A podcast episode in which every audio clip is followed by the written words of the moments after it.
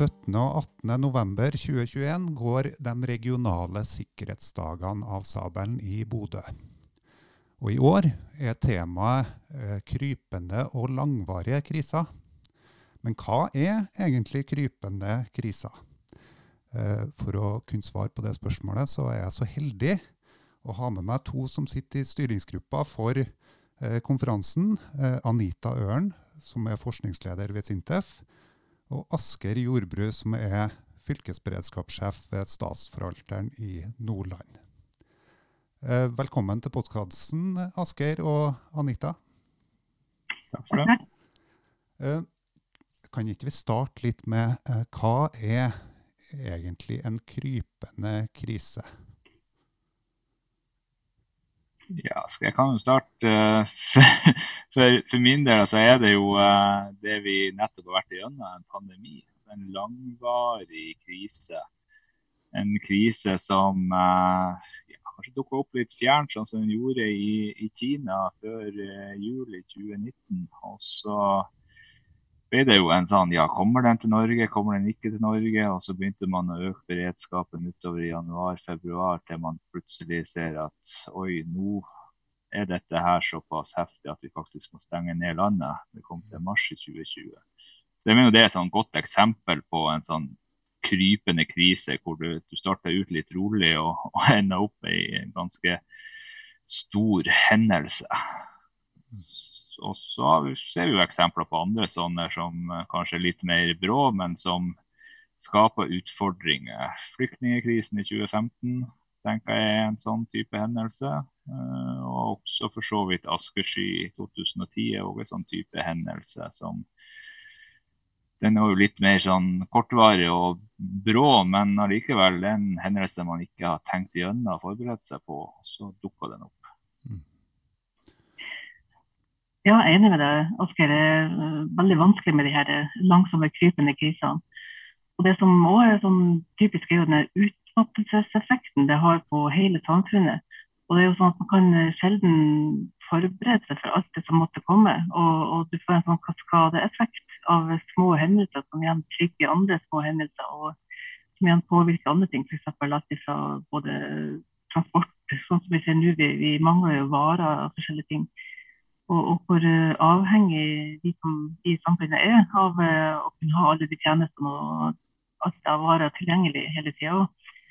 Så, så, det er nå bare for et eksempel på hvordan man blir påvirket. Så er selvfølgelig også det her med hvordan man blir utmatta i helsevesenet. Og, og hvordan ja, se på lærerne og hvordan de hilser rundt og bare det for å kunne ha en hverdag og komme tilbake eller hverdag der man kan fortsette med undervisning i en helt annen situasjon enn det man hadde sett for seg uh, før.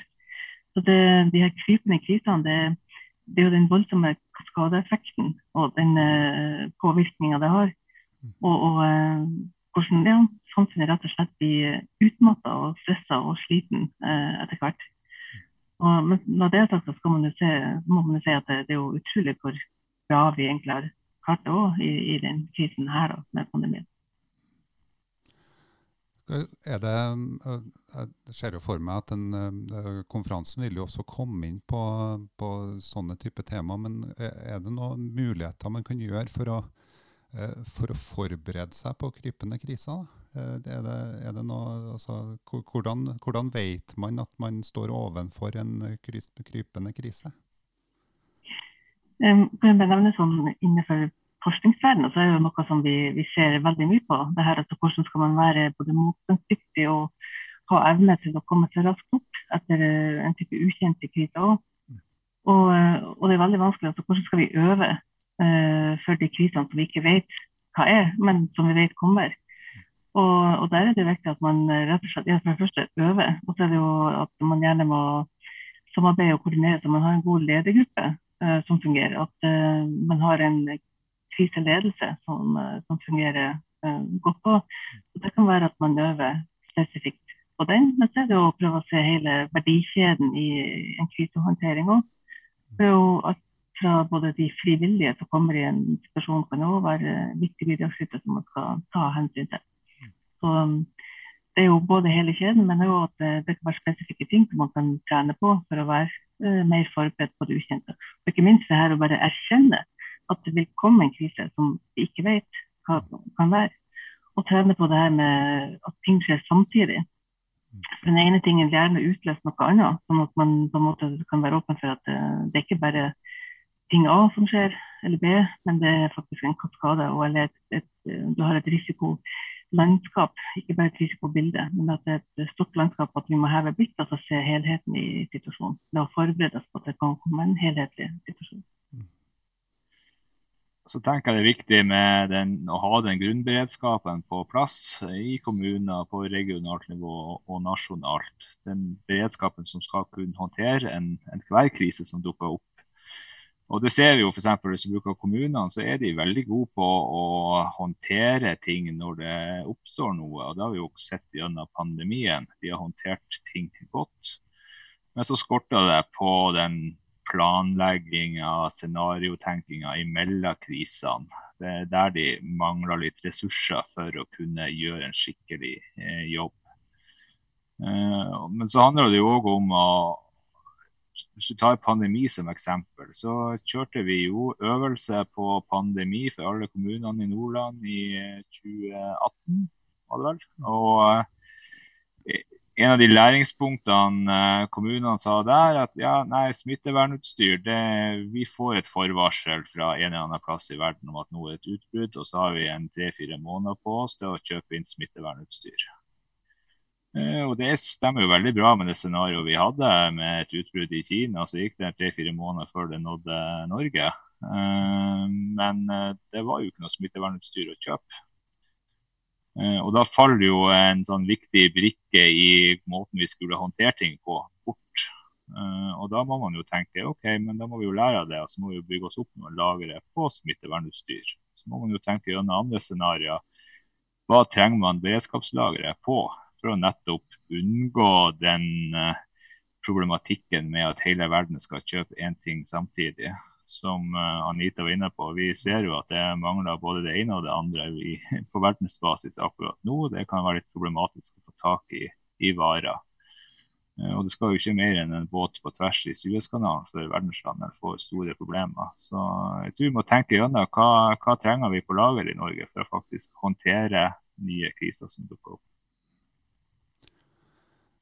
Jeg ser jo for meg, eh, Asgeir, hvis vi tar eh, det du jobber med som eh, fylkesberedskapssjef. da, og Sånn som jeg forstår det, så er krypende kriser er jo, og handler også mye om bevissthet eller oversikt. og det å hele tida ha en at, at, noen fungerer som påminner om at kanskje burde vi ha bedre oversikt over potensielle scenarioer som kan oppstå.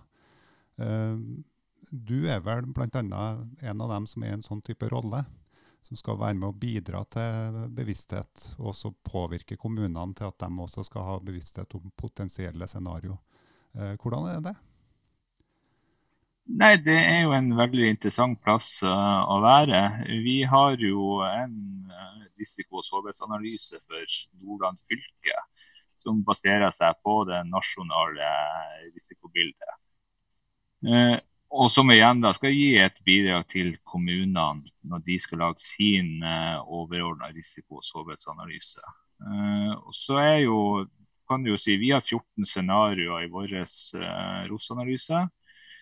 Den er, dekker ikke alt som kan gå galt i, i, fylket, men den gir en dimensjonering for den beredskapen vi trenger for å håndtere det meste som kan skje. Eh, sånn at De scenarioene er jo valgt ut. Det er naturhendelser, det er store ulykker og det er tilsiktede hendelser. Eh, og Klarer vi å håndtere de 14 scenarioene vi har der, så skal vi klare å håndtere det meste av andre ting som kan dukke opp. Eh, men det frier oss ikke for at vi må tenke litt utenfor boksen også. Hva er det som kan ramme oss? Jeg nevnte askesky i 2010 på slutten av 1700-tallet så var det jo et eh, stort utbrudd på, på Island så, hvor uh, de døde som fluer ute på Island pga. Uh, giftige gasser. De giftige gassene nådde også Europa, uh, og mange tusen døde i London. Uh, det er jo sånn type hendelse som ingen har tenkt på egentlig kan skje. Det er lenge siden den skjedde, men det kan jo skje igjen. Vi hadde et stort jordskjelv på Helgeland på 1800-tallet. Skapte mange leirer. Det er jo òg en sånn ting som kan skje. Men da tenker vi jo mer at ja, vi har leirer i eh, ROS-analysen vår. Og kan man håndtere leirer, så kan man òg håndtere konsekvensene av et jordskjelv. Så man trenger ikke å tenke nøyaktig på det jordskjelvet som et eh, scenario. Men det, det, det, er sånn vi oppfordrer kommunene til å tenke, eh, og de er på god vei. Eh, der er mange initiativ nå etter pandemien blant kommunene for å få på plass folk som kan jobbe med disse store problemstillingene eh, over tid. Og Da hører dere jo sikkert som lyttere også at et, altså når man skal inn på type samfunnssikkerhetsspørsmål, og også det med å eh, forberede seg på potensielle scenarioer knytta til ja, krypende kriser, da, så bør man ha et uh, relativt tverrfaglig sammensatt uh, team av folk, eller i hvert fall av, av kunnskap. Både histori histori altså historie, historikere, eh, geologer, eh, samfunnsvitenskapelige eh, personer. Så alle som på mange måter har eh, sitt innblikk på eh, de her potensielle scenarioene som da kan oppstå. Eh, og sånn som jeg har forstått det, når jeg har vært inn og sett på de regionale sikkerhetsdagene sitt program, så virker det som at det er en sammensetning av forskere Eh, med ulik type bakgrunn, og også praktikere med ulik type bakgrunn. At det er på mange måter en arena hvor både forskning og praksis møtes. Uh, Anita, du representerer jo forskerverden uh, litt inn her på denne konferansen. Hva, hvordan vil du si programmet? Hva har dere tenkt når dere har satt sammen programmet eller jobba med program? Eh, ja, det er jo som du sier, det er jo veldig tverrfaglig sammensatt. Og det er jo også nettopp eh, eh, poenget med den. Og, og det her også at den arena hvor vi som utøver det her i praksis, og forskere og beslutningsmyndigheter og politikere kan møtes, det er jo kjempeviktig. Og det er så utrolig viktig at vi gjør ting på regionalt nivå. For det er, jo, det er jo kommunen som har ansvar for å trygge folk og ta vare på folks sikkerhet. Og, og det, de hendelsene skjer jo i kommunene, eller flere kommuner. Så det at eh, kommunene er på alerten og klare til å, å, håndtere kriser, er jo kjempeviktig. Og så er det noe med den lokale kunnskapen som òg er utrolig viktig. Og vi ser jo det i undersøkelser og forskningen vi har gjort, at små kommuner er jo gjerne kjempeflinke til å håndtere kriser, fordi at de vet akkurat hvor de har ressursene, de vet hvem som har kompetansen, og de, de, de har en, en, kort vei å gå mellom eh, ledelse og utøvende aktører. da. Og, og, og, det er jo både på godt og vondt, for det er jo viktig at de, de her personene eh, er på jobb når krisen skjer. Men det er jo at man får delt denne kunnskapen eh, lokalt òg, og at man vet hva naboen har. Eh, og at man vet eh, hvem andre man kan stole på og få hjelp av. Og ikke minst at man kan eh, spre den kunnskapen man får sjøl på sånne arenaer som det her.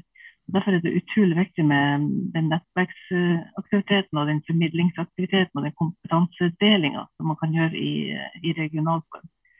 Så det er jo også noe som vi tror er ganske unikt med både Trondheim og, og Bodø. da, at, eh, For der er det både, både forskerne og, og, aktørene der ute og, eh, og myndigheter òg er veldig positive til en sånn type samarbeid mellom forskning og, og utøvende aktører. da. Så Det er jo kjempebra. Så det er jo at Vi ønsker at vi skal kunne bidra til både kanskje være et forbilde for andre kommuner, men også at man kan bidra til den store eller nasjonale beredskapsnivået også. Det var godt du, du inkluderte det, for, for, en ting som jeg altså, sa jo praktikere og forskere, men jeg, men jeg glemte jo selvfølgelig av altså Noe av det som jeg ser i programmet, er jo at, er at beslutningsmyndighet og, og, og og de ulike, altså Både fylkeskommune og kommuner er jo godt representert her i den konferansen. Hvordan er eh, altså Jeg ser at det, en, det står en visjon på de, de regionale sikkerhetsdagene sin hjemmeside. Eh, vår visjon er at Trøndelag og Nordland skal gå foran som eksempler til etterfølgelse i arbeidet med samfunnssikkerhet og beredskap. Eh, hvordan skal vi komme dit, eller er man allerede der? Man kan jo alltids bli bedre, og det tenker jeg at det, det kan disse regionale sikkerhetsdagene hjelpe oss til å bli. Jeg er jo veldig opptatt av at folk skal møtes for å diskutere de problemstillingene som er innenfor beredskap, men også det å lære hverandre å kjenne. For det er når en krise oppstår, hvis jeg kan ringe til, til noen jeg er på fornavn med, så det er mye lettere å ta den telefonen enn om jeg skal ringe til noen som jeg ikke har snakka med før. Eh, så i Nordland så har vi vært veldig opptatt av at vi skal kjenne hverandre, de aktørene. Politi, brann, statsforvalter, fylkeskommune og kommunene også. Eh, og det tenker jeg at det er, dette er en viktig møteplass hvor du faktisk da kan treffe eh, aktørene og treffe kommunene og da også treffe forskninga, som gjør at vi kan snakke sammen og bli bedre på både planlegging, på håndtering eh, osv. Så, videre. Så det, det, tenker jeg er en, en viktig del av disse sikkerhetsdagene. For det er veldig mye kunnskap som ikke står uh, beskrevet noen plass, eller som ikke er formalisert i, i, i noe skriv. Og, og, og, da er det jo kjempeviktig si, at man møtes og man får delt denne kunnskapen. Så mye av denne pause eller den skjulte kunnskapen som man, man, har i de her sosiale relasjonene, er jo kjempeviktig. Og det er noe som også kommer litt mer fram i lyset og blir lagt på bordet i en sånn konferanse som det her. Da blir det mer fokus på det. Og hva er vel bedre da enn å lokke med også at uh, de her uh, regionale sikkerhetsdagene er i Bodø? Altså, uh, da har man mulighet til å både se uh, fin natur i, i Bodø på sitt fineste i november, og i tillegg møte personer som uh, både interesserer seg for det samme som dere jobber med det daglige, og, og også kanskje brenner litt ekstra for. Muligheten til å se noen, i, både se noen folk i øynene, bli kjent med dem, snakke om de temaene som dere bryr dere om. Da ønsker jeg dere hjertelig velkommen den 17. og 18. november i Bodø på de regionale sikkerhetsdagene. Og Hvis du har lyst til å vite litt mer om programmet, så går du inn på www.deregionalesikkerhetsdagene.no. Takk for at dere ble med i podkasten, Asker og Anita. Eh, jeg gleder meg til å se dere i Bodø.